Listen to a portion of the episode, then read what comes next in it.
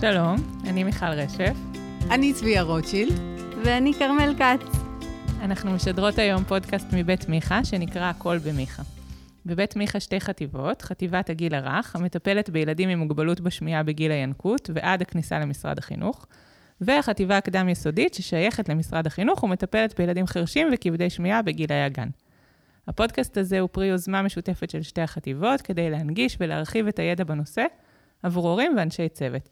היום אנחנו מראיינות את נוגה רוטשטיין, ביבליותרפיסטית אצלנו במרכז ומנחת קבוצות. בוקר טוב. בוקר טוב, נעים היי, מאוד. נוגה. היי.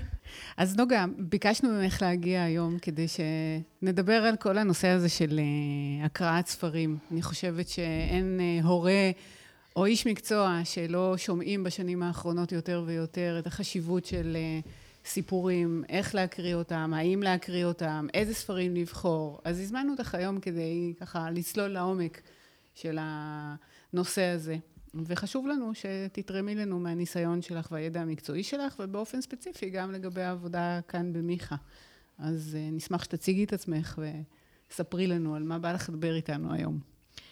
אז uh, אני באמת, uh, אני נוגה, ביבליותרפיסטית ומנחת קבוצות, כשהשם uh, הארוך הזה, שילדים הרבה פעמים uh, נשארים פעורי פה מולו של ביבליותרפיסטית, כי זה מקצוע שלא שומעים כל יום, הביבליותרפיה היא בעצם uh, שיטת טיפול, מתוך התחום של טיפול בהבעה ויצירה, שבעצם כוללת בתוכה קריאה וכתיבה והתייחסות לטקסטים, בתוך הטיפול הרגשי. עכשיו, השאלה שבאמת הרבה קופצים ושואלים ואומרים, זה שילדים עדיין לא קוראים ולא כותבים.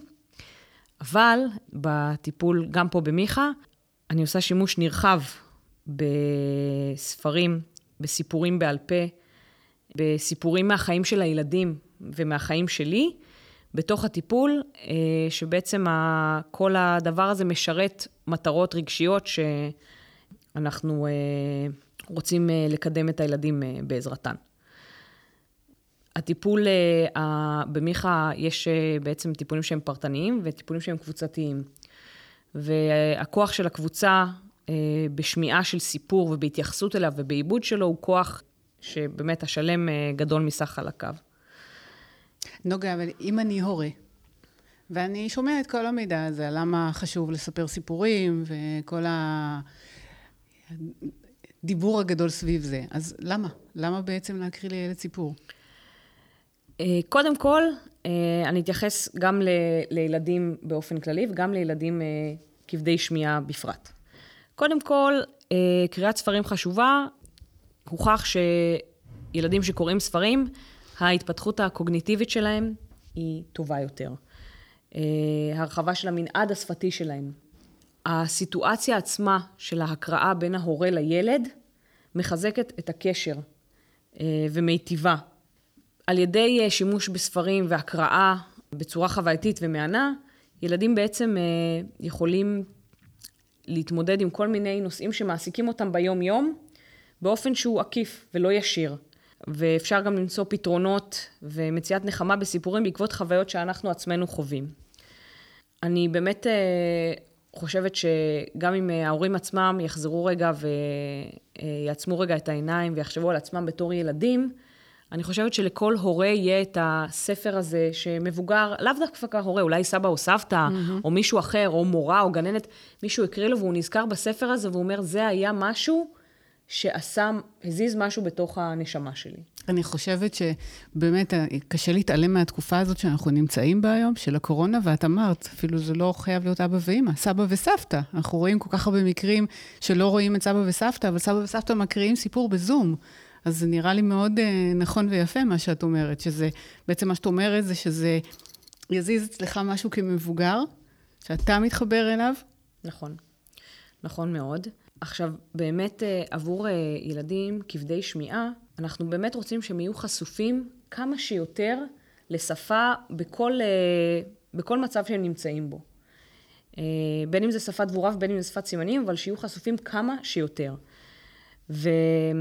ובאמת, כשמקריאים ספר יש המון, זה מורכב מהמון המון אלמנטים, שקשה מאוד להפריד אותם, אבל אם מפרקים את זה לגורמים, יש גורמים רבים. יש גם את, ה, את הקשר עם ההורה בזמן ההקראה, את ההבנה של האינטונציה, את ההבנה של פשר המילים ושל אה, פענוח חנימת הקול של אה, איך ההורה בדיוק מדבר. שיש לה סופר משמעות וחשיבות נכון, עם הילדים שלנו. נכון לקלוט מאוד. את הניואנסים האלה. נכון. אמ, ההתבוננות באיורים, אם ישנם כאלה, והחיבור שלהם לטקסט, בעצם יש המון המון גורמים כאשר מקריאים אה, ספר לילד. מה זה המקום הזה שאת מדברת עליו, על חיבור לתמונה? כאילו, לפעמים יש דברים... לא מספיק רק לספר את הסיפור? לפעמים יש דברים, ובייחוד אה, מי שלמשל, אני, דוגמה שעולה לי הכי בקלות, זה ספרים למשל של אה, מאיר שלו, שיוסי אבולעפיה מאייר, שהרבה פעמים אם מסתכלים באיורים, אז אה, מגלים שיש סיפור שלם סביב האיור שלא נאמר בספר עצמו, והרבה פעמים ילדים מגיבים לדבר הזה. גם אה, למשל, אה, עוד סופר שאני ממש ממליצה ככה, אם, אם אתם יכולים לכתוב את השם ולחפש את הספרים שלו בחנות הספרים הקרובה, זה אנטוני בראון, שזה סופר שאני משתמשת בספריו אה, הרבה בטיפול. אמ, אז גם שם יש כל מיני דברים שיש סיפור שלם, רובד שלם מתחת לאיורים, ואפשר גם לעצור, לעצור ולהסב את תשומת הלב של הילד ולשאול אותו מה הוא חושב. יחד עם זאת, לצ... לצד הדבר הזה, גם סיפור שהוא מסופר בעל פה לילד, אה, ואין איורים, יש לו גם ערך אה, עצום. אה, את מתכוונת לסיפור, סיפור שאני כהורה המצאתי, או משהו שקרה לי? או שניהם? שניהם, גם, אה, גם משהו שהמצאת, גם מה שקרה וגם מעשיות שבאמת אה, צריך אה, פודקאסט שלם רק לדבר, אה, סדרה של פודקאסטים לדבר על המשמעויות של סיפור מעשייה לילדים, ובאמת המחקרים שנעשו בתחום הזה הם אה, אה, רבים מאוד. אבל גם לשבת מול אה, ילד וליצור את, את הקשר עין ולספר ולהשתמש בהבעות הפנים המתאימות תוך כדי הסיפור ולהתאים אותן. זה גם משהו שהוא מאוד משמעותי בעבור ילדים בכלל וילדים כבדי שמיעה בפרט. אני חושבת שפה גם נכנס אה, מה שאנחנו קוראים העניין של המודל האישי שאתה נותן לילד. נתקלים הרבה בהורים שהילד חוזר מהגן והוא לא מספר שום דבר, איך היה כיף. אז פה את בעצם מדברת גם על איזשהו מודל שאתה כהורה נותן, זה- שתף אתה. נהדר, נכון, מאוד. אפילו לספר, אפילו נניח הילד מספר באמת, אומר היה כיף, לא, לא להתחיל ללחוץ, אלא באמת לספר משהו שהיה לי בעבודה, אפילו משהו מבאס. הגעתי היום לעבודה, ובדיוק כשיצאתי מהאוטו, אז אה, אה, עבר לידי רכב והשפריץ עליי, והייתי מאוד מאוכזב, ולא יכלתי לחזור הביתה ולהחליף בגדים. גם הדבר הזה, מבחינתי, יש לו אה, ערך שזה מין זרע קטן שטומנים, וכנראה הוא לא ינבוט, זה לא שמחר פתאום הילד כן יספר לך כמה הוא היה מאוכזב בגן כי ילדים לא שיחקו איתו או משהו כזה. אבל, אה, אבל זה בדיוק מה שאמר צביה, שזה לתת איזשהו מודל של שיתוף אה, ברגשות על ידי בעצם סיפור של חוויה. אוקיי. נוגה, את מדברת על, ה, על העניין של אה, לספר סיפור. הרבה פעמים, כש, כשאנחנו כהורים באים לספר, לתת לילד לבחור את הספר, אז הוא הרבה פעמים יבחר ספר שאתה ככה, בוא נאמר שכמבוגר לא, לא בטוח שהיית בוחר דווקא בספר הזה, ולא זו בלבד, הוא גם כל יום רוצה שתקריא לו את הסיפור הזה. אז מה עושים עם האישו הזה של איך לבחור את הספר? אוקיי, okay, קודם כל אני אפרק את השאלה הזו לשני מרכיבים. אחד זה מה קורה, מה, מה לגבי ספרים שאנחנו פחות מרוצים שהילדים שלנו בוחרים, ולגבי הקראה של אותו ספר שוב ושוב ושוב ושוב ושוב ושוב. אז נתחיל באמת בנושא הזה של ילדים, שאם עכשיו הם יבחרו ספר אה, שממש אה, מתחשק להם לקרוא, ואנחנו ממש, אה, ממש לא מעוניינים, זה קורה, זה, אני קוראת לזה חטיפים, כי באמת הערך התזונתי, במרכאות, אה, של הספר הזה מבחינה שפתית, ואולי גם מבחינה רגשית, הוא נמוך, אבל הוא מספק הנאה, וכולנו אוהבים לפעמים אה, לאכול, מה זה, כל יום אפילו לפעמים, לאכול שוקולד, וזה בסדר, וזה ממש בסדר, ולאפשר גם את הדבר הזה, לאפשר ולא לצקצק בלשון ולא לגלגל עיניים, אה, וכן לאפשר לילדים את, את הדבר הזה, את החטיפים האלה. דבר שני, אה, על מה שאמרת לגבי אה, קריאה של אותו ספר שוב ושוב ושוב. אני חושבת שזה משהו שמאוד מאוד חשוב אה, אה, להורים להבין, שברוב המקרים, כשילד בוחר ספר מסוים, בנושא מסוים, ובעצם מבקש אה, הקראה חוזרת אה, ערב אחר ערב אחר ערב, יש לזה משהו, אה, יש בזה משהו שצריך לתת את הדעת עליו ולהיענות אליו ולכבד את הילד. כי יכול להיות שהילד בוחר עכשיו בספר הספציפי הזה, בגלל שהוא עונה על איזשהו צורך שלו. לפעמים אפילו אנחנו לא נבין, אנחנו לא נבין למה הילד עכשיו בחר בספר שכביכול הנושא נראה לנו מאוד, משהו מאוד סתמי, אבל כנראה שזה בדיוק עונה על איזשהו צורך, על איזושהי התמודדות של הילד, בין אם זה בגן, בין אם זה איתנו, בין אם זה בינו לבין עצמו. וצריך לענות לזה, ואולי אפילו אפשר לשאול לפעמים את הילד, אני רואה שאתה מאוד מאוד אוהב את הספר הזה, אה, אתה יכול להגיד לי למה? רוב הילדים לא ידעו להגיד למה, אבל אפשר לשים את השאלה הזאת שם. אה, ו- ולאפשר, לאפשר את זה. אה, גם דברים בקריאה חוזרת, הם יכולים להיראות אחרת בכל פעם. אפשר כן יותר לפתח את השיח על, ה, על הדבר הזה. הנושא של בעצם לפתח שיח על ספר, זה גם משהו ש... יש ילדים שאוהבים את זה. יש ילדים שאוהבים שעוצרים רגע ואומרים, ואומרים להם, תגיד, מה היית רוצה שיקרה עכשיו? או להגיד לילדה, תגידי, אה, את חושבת שהוא שמח שזה מה שקרה, על הדמות הראשית למשל? יש ילדים שבאמת אה, אה, הם אוהבים את זה, אבל יש ילדים שזה נורא מרגיז אותם. נכון. וגם את זה צריך לכבד. זאת אומרת, אני יכולה להגיד שיש ילדים שאת, שרק אה, עוצרים שנייה בקבוצות ואני מתחילה עם השאלות. למשל, אני אומרת לילדים, אפילו, אפילו אם אני פונה, בייחוד אם אני פונה באופן ישיר, אם אני שואלת אותם לפעמים, קרה לכם, אתם מכירים מישהו שקרה להם, לו משהו דומה, או... אוף, כן, אוף. כן, כן. אז, אז, אז בסדר, אז לא חייבים. יש ילדים שאוהבים ויש ילדים שלא.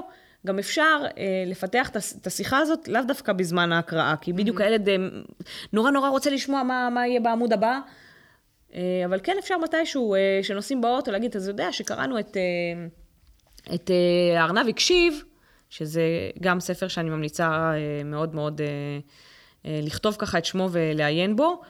אז אני ראיתי ש... אה, אתה מאוד התרגשת כשקראנו את התגובה של אחת החיות, ו... שזה משהו בעצם אה, שמתואר בספר, על אה, בעצם התמודדות עם, אה, עם, עם תחושות של כעס וכישלון ואכזבה, ואיך מתמודדים איתם. זה הספר הזה ספציפי, הארנב הקשיב. אני חייבת להגיד שאני מאוד מתחברת למה שאת אומרת עכשיו. אני הרבה פעמים מרגישה ש... להקריא סיפור, במיוחד עם הורה, שהוא לא מטפל, לא התפקיד שלו לטפל בילד שלו, אלא באמת לדאוג שהקראת סיפור תהיה אווירה ותחושה של כיף.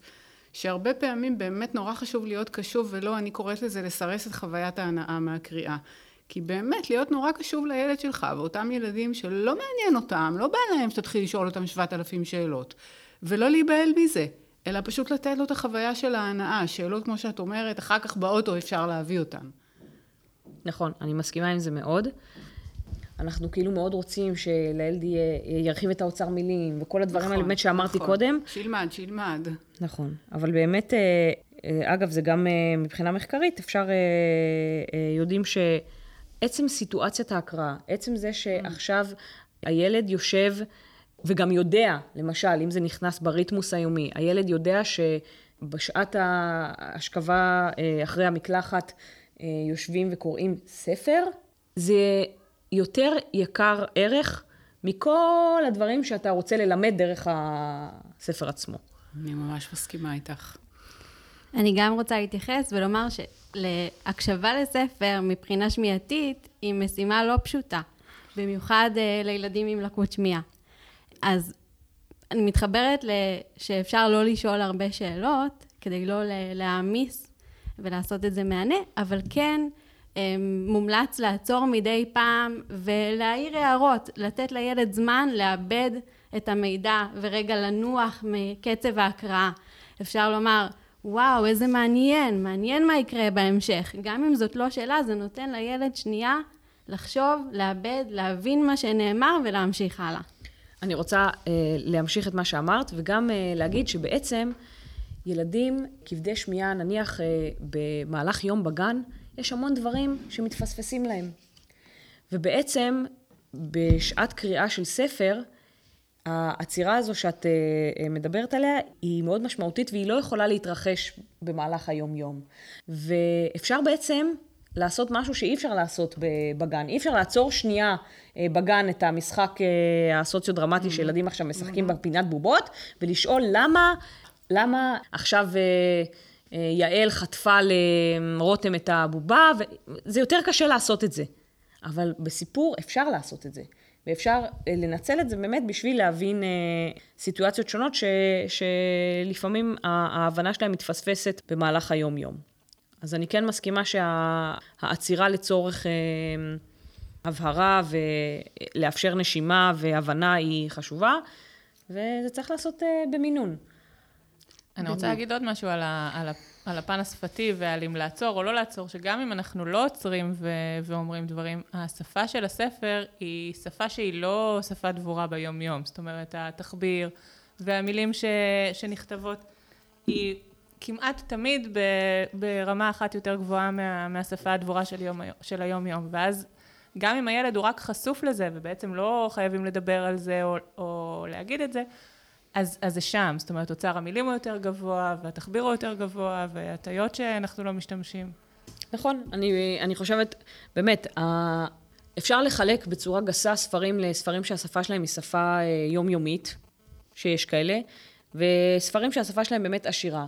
למשל, אה, קלאסיקה אה, אהובה עליי מאוד, אה, דירה להשכיר, כבר במשפט הראשון שפותח את הספר, שבאמת הרבה הורים אולי יוכלו לדקלם בקלות, שם בעמק יפה, בין כרמים ושדות, עומד מגדל בין חמש קומות.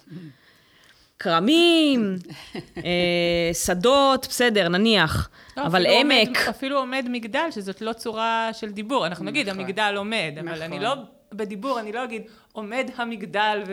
נכון. זאת אומרת, זה משהו שהוא רק דרך הספרים יכול אה, להגיע באמת לילד. וגם זה, אני חושבת שיש, אה, למשל בספר כזה כמו דירה להשכיר, שיש את המילים האלה, לא צריך לעצור על כל מילה. זאת אומרת, זה יהפוך את המשימה של הקריאה באמת לסבל. וכן לקחת בחשבון שכרגע הילד כנראה לא יבין את כל המילים שהוא קורא, הוא כן יבין אותן, כנראה חלק מהן לפחות מההקשר. אמ, שזו דרך נפלאה וידועה ללמוד שפה. וגם בייחוד ספרים שיש להם חריזה מוצלחת, ואני מדגישה מוצלחת. מה זאת אומרת? שתהיה חריזה שהיא קולחת, נעימה, ושלא שמים לב אליה יותר מדי, תוך כדי, זאת אומרת, חריזה טובה מבחינתי זה משהו שאתה קורא ופתאום אתה אומר, וואו, קראתי את כל הקטע הזה בחרוזים ואפילו לא שמתי לב. אבל בסדר, זה משהו אישי שלי. אנחנו נזמין את ההורים להתייעץ עם הביבליותרפיסטית הקרובה. אה, בשמחה. אם נבקש ממך לחשוב על uh, מקרים של ילדים שאת uh, ככה יכולה להעלות בדעתך שהקראת הסיפור עשתה שם משהו uh, אחר מבחינתך. שההקראה של הסיפור במרכאות או שלא במרכאות השיגה את המטרה. אוקיי. Okay. אם אני אתייחס באמת לילדים שלנו, פה במיכה, אז אני יכולה להגיד למשל שטיפלתי בילד שהיה שם תסכול מאוד מאוד גדול, בגלל שהיכולת שה... השפתית הייתה מאוד נמוכה יחסית לגילו. ובעצם בחרתי בשביל הילד הזה בספר, שהמלל בו הוא מועט מאוד, אבל ההבעה הרגשית של הדמויות בו היא מאוד גדולה. בעצם ממש בכל עמוד יש רגש אחר שמובע שם. ואנחנו בעצם אה, היינו עם הספר הזה לאורך כמעט שנה. עם אותו ספר, פשוט, עם אה, באמת שהוא אה, לא עכשיו איזה משהו, פרס נובל לספרות, בכלל לא, זה לא שם. אבל... פשוט כי הילד התחבר לספר? מאוד התחבר וואו. לספר, ביקש אותו שוב ושוב ושוב, כי היה שם משהו באמת שהרגיע את המקום הזה, ובאמת המטרה העיקרית בשביל הילד הזה היה שהוא יצליח להביע את עצמו ולהביע את הרגשות שלו, וקצת ישים בצד אה, תסכול וכעסים שהיו לו, שזה היה משהו שהיה מאוד מורגש. זה פשוט נתן לו עוד מילים בשביל התסכול הזה, בשביל להוציא את זה, להביע את זה. בדיוק. זה נתן עוד מילים, זה נתן עוד אפשרות גם באמת אה, להשליך מהחוויות שלו על הסיפור ועל הדמויות שם, ואני מרגישה שהספר הזה באמת היה משמעותי לטיפול. אני יכולה להגיד גם שפה במיכה בעצם, אה, בשביל הרבה ילדים זה המקום היחיד שהם מגיעים אליו, ורואים עוד ילדים עם שתלים ועם מכשירים. והנושא הזה עולה בתוך אה, חדר הטיפולים. אה, ולפעמים גם לא עולה. אבל, יכולה לתת דוגמה, למשל, אה, שהבאתי לקבוצה איזשהו ספר אה, שנקרא אל תבכי ציפורת, שיש בו את הדמות של ציפורת מרחוב סומסום, שהיא ציפור מאוד מאוד גדולה, שכל החברים שלה הם יותר קטנים ממנה. בעצם הסיפור מסופר על איך היא לא, לא, לפעמים לא מצליחה לשחק במשחקים שלהם בגלל שהיא כל כך גדולה. ואחר כך בסיפור החברים ברחוב סומסום בעצם אה, מוצאים כל מיני אה, הנגשות ואדפטציות וכל מיני, עושים כל מיני דברים כדי שהיא תוכל לשחק איתם. ובעצם הקראתי את הסיפור הזה ודיברנו קצת על אה, איך ציפורת מרגישה, ובעצם אה, שבוע אחרי פתאום אה, זה בא מתוך הילדים שהם התחילו לדבר למשל על דברים שהם זקוקים להם במסגרת הגן. בשביל לשמוע יותר טוב ולהבין יותר טוב עם המכשירים, או כל מיני סיטואציות שקרו להם בעצם עם המכשירים בתוך הגן, שילדים אחרים היו צריכים להבין אותם ולעזור להם. ומבחינתי זה, זה, הסתכלתי על זה באמת כמו קסם שקורה מול, אה, מול העיניים. לא נשאר לנו, אנחנו לקראת סיום, ונשארו לי באופן אישי עוד שתי שאלות. אחת שתהיה ככה לסיכום ממש, ועוד אחת דקה לפני זה. ספרים זה כלי שיכול לשמש גם אותנו כאנשי מקצוע, ויש את מה שדיברנו על המקום החווייתי הזה של ההורה, שבאמת אנחנו כמטפלים, מטפלים בילדים, אבל יש דברים שאנחנו לא נצפה מהורה לעשות. א', כי הוא לא איש מקצוע, ושנית, כי הוא ההורה. אז כשאת חושבת על הדברים שאנחנו, לצור... נגעת קצת מקודם בעניין הזה של אה, קריאה וכתיבה, שהרי אנחנו לא מלמדים את הילדים דרך הספר לקרוא ולכתוב, אבל אם נסתכל רגע על החוויה הזאת שלה, שלנו כמטפלים והשימוש שלנו בספרים, אז מה, מה הדברים מעבר לעניין של הרגשות שדיברנו עליהם, למשל באמת קצת תדברי על העניין של החשיפה לקריאה וכתיבה, איך, הרי אנחנו לא מלמדים את הילד לקרוא, אז מה, מה כמטפל אנחנו כמטפלות רגשיות, קלינאיות תקשורת, על איזה עוד דברים אנחנו נשים דגש בתוך השיקום והטיפול של הילד, מה שאני לא אצפה מהורה לעשות. אני לצורך העניין יכולה לחשוב, אני, אני יכולה לחשוב כקלינאית תקשורת על, ה, על באמת ציינת שאנחנו לא מטפלים בילדים ופה חברותיי הקלינאיות באמת אה, כי המקום הרגשי כבודו במקומו מונח אבל אנחנו כקלינאיות תקשורת יהיה לנו חשוב לדעת שהילד מתייחס לעובדה שיש כיתוב לעובדה שלספר יש כריכה לעובדה שספר בישראל פותחים וקוראים מימין לשמאל אז כשאת כמטפלת באמת מהתחום האחר. אז לטובת איזה עוד דברים תשתמשי? באמת זו, זו שאלה מאוד חשובה. אני יכולה להגיד שברוב המקרים, מה שהכי חשוב בעצם, בשבילי כמטפלת, זה להתאים את הספר לילד הספציפי ולקבוצה הספציפית. ואני לא יכולה להגיד עכשיו, קצת קשה לי נניח להגיד משהו שהוא אה, מאוד כללי, שהוא נכון ל, לכל השימוש שלי ב... למשל, אני יכולה... לשם אני חותרת. אה, קבוצה, קבוצה שעולה בה אמ, המון נושא של... אה, אני רואה שיש תמה שמתגבשת ועולה בתוך הקבוצה של אה, הצלחה ושל כישלון. ושל אמ, הימנעות מלעשות כל מיני דברים בגלל אה, פחד מכישלון. או דווקא ילד שכל הזמן אומר, כן, אני מצליח בהכל ו... והכל קל לי, שזה הצד ההפוך של זה, אבל בעצם זה קצת אותו דבר. אז אני כן אבחר אה, סיפור שהוא מתייחס לנושא הזה לאו דווקא באופן ישיר, אלא באמת על אה, משהו ש, שהתמה של אה, הצלחה או של כישלון או של יכולת אה, אה, למצוא בעצמי את הדברים שאני טוב בהם או פחות טוב בהם, מגולם ב, בתוכו. ובאמת, אני, איך אני רואה בעצם שכל קבוצה מבקשת משהו אחר? כשאני מתחילה את השנה פה במיכה, יש בדרך כלל ספרים מאוד ספציפיים שאני משתמשת בהם בתחילת הקבוצה. אה, שבעצם נוגעים לתמה של חוקים בתוך הקבוצה ויחסים בין החברים לקבוצה, אבל לאט לאט פתאום אני רואה שאצל יד, כל ילד מביא איתו משהו אחר ועולים דברים אחרים, ואז באמת אני בוחרת ספרים לגמרי שונים לכל אחת מהקבוצות, לפי בעצם התמה שהקבוצה עצמה מעלה. ויותר מזה, הרבה פעמים אני מתכננת נניח לספר משהו מסוים, כי אני חושבת שהוא כרגע זה מה שמתאים, והקבוצה אה, במקום אחר, ואז אני אבחר בספר אחר. זה מה שציינת בהתחלה, על הכוח של הקבוצה. נכון. כמה שהכל עוד יותר מועצם, אז באמת יש מקום נורא חשוב לספר. עכשיו באמת אני, אני כן אה, בגלל שהטיפול פה הוא רגשי, אני כן מקפידה לא רק לבחור אה, אה, ספרים שיש בהם הבעה של רגשות, אלא גם שיש קשרים רגשיים שהם קצת יותר מורכבים בין הדמויות mm. בסיפור. אני יכולה לתת דוגמה למשל לספר שאני מאוד מאוד אוהבת ושגם ילדים מאוד אוהבים, אה, של רות עמודן, שנקרא סעודה אצל המלכה, שזה בעצם ספר על, על נימוסי שולחן ועל מה אנחנו לעומת המבוגרים יכולים לעשות ומה מבוגרים לא. זה בעצם ילדה שבארוחת הערב היא מתנדדת על הכיסא, והיא אוכלת מהצלחת המרכזית, והיא עושה כל מיני דברים שמאוד מרגיזים את ההורים שלה, שאומרים לה, אמ, מה תעשי עם מלכת אנגליה, תזמין אותך אליה לביקור בארמון בקינגהאם. והם לא מספיקים לסיים את המשפט, ובאמת זה מה שקורה. והילדה מגיעה לארמון בקינגהאם, והיא מלמדת שם אה, נימוסי שולחן את, ה... את ה... כל הרוזנים, וה... באמת, זה ספר פשוט מקסים, וילדים מאוד מאוד אוהבים אותו. אז אני באמת, חשוב לי למצוא אה, ספרים שהם אה, מתייחסים לתמות שעולות, אבל, ואת זה אני גם אה, כן יכולה להעביר כמסר לא רק למטפלים, אלא גם להורים, לא תמיד, לא, לא דווקא באופן ישיר. לא תמיד באופן ישיר. הרבה פעמים זה ממש בסדר להביא ספר שהוא אה, אה, עוקף את הנושא, או מדבר אה, קצת משהו שהוא באמת כללי יותר, ולאפשר לילד לא להגיש לו לעוס את הדבר הזה. Mm-hmm. לא להגיש לו לעוס את התחום הזה של ההתמודדות שעכשיו אנחנו רוצים אה, אה, לעבוד עליו עם הילד, או רוצים להביא לילד, אה, ובאמת לאפשר לו את המחשבה שלו ולהשליך את ה... מעולמו שלו. כן, יש ערך, והיום גם יש הרבה כאלה, לספרים של בהתמודדויות עם נושאים שונים.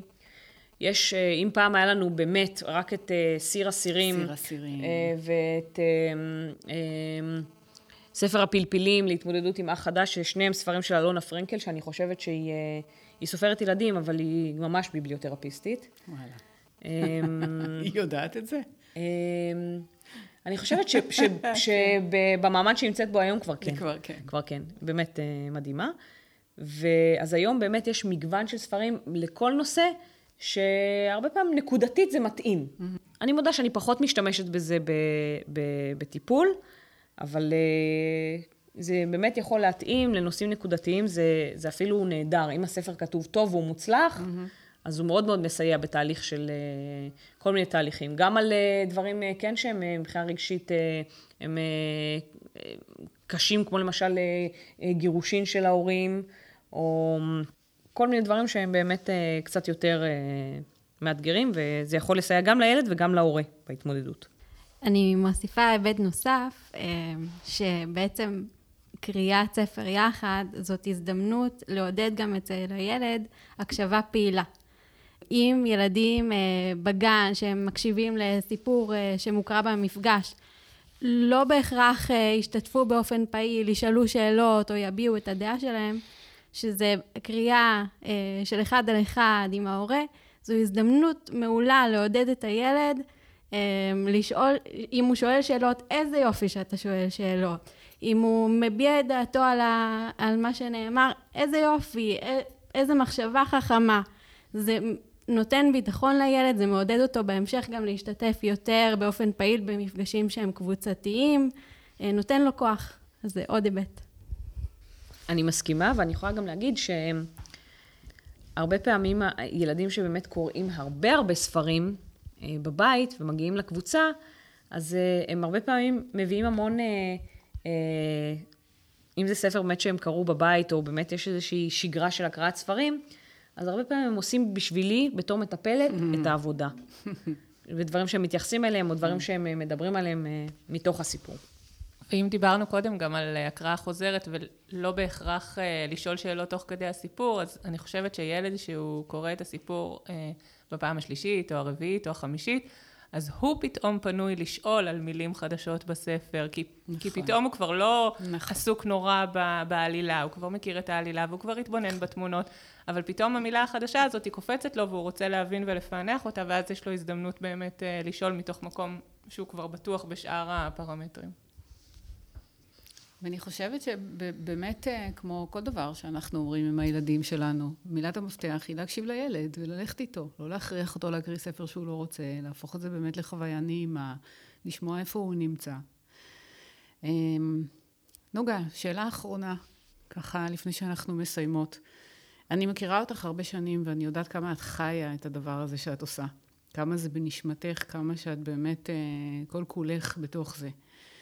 אם הייתי מבקשת ממך אה, לסיכום, אה, לשלוח אותנו עם איזה מסר אישי, משהו אישי שיש לך להגיד על התחום הגדול והמדהים הזה, איך את רואה אותו, עם איזה מסר היית רוצה שנצא מפה? קודם כל, לפני הכל, תהנו מה, מההקראה, תהנו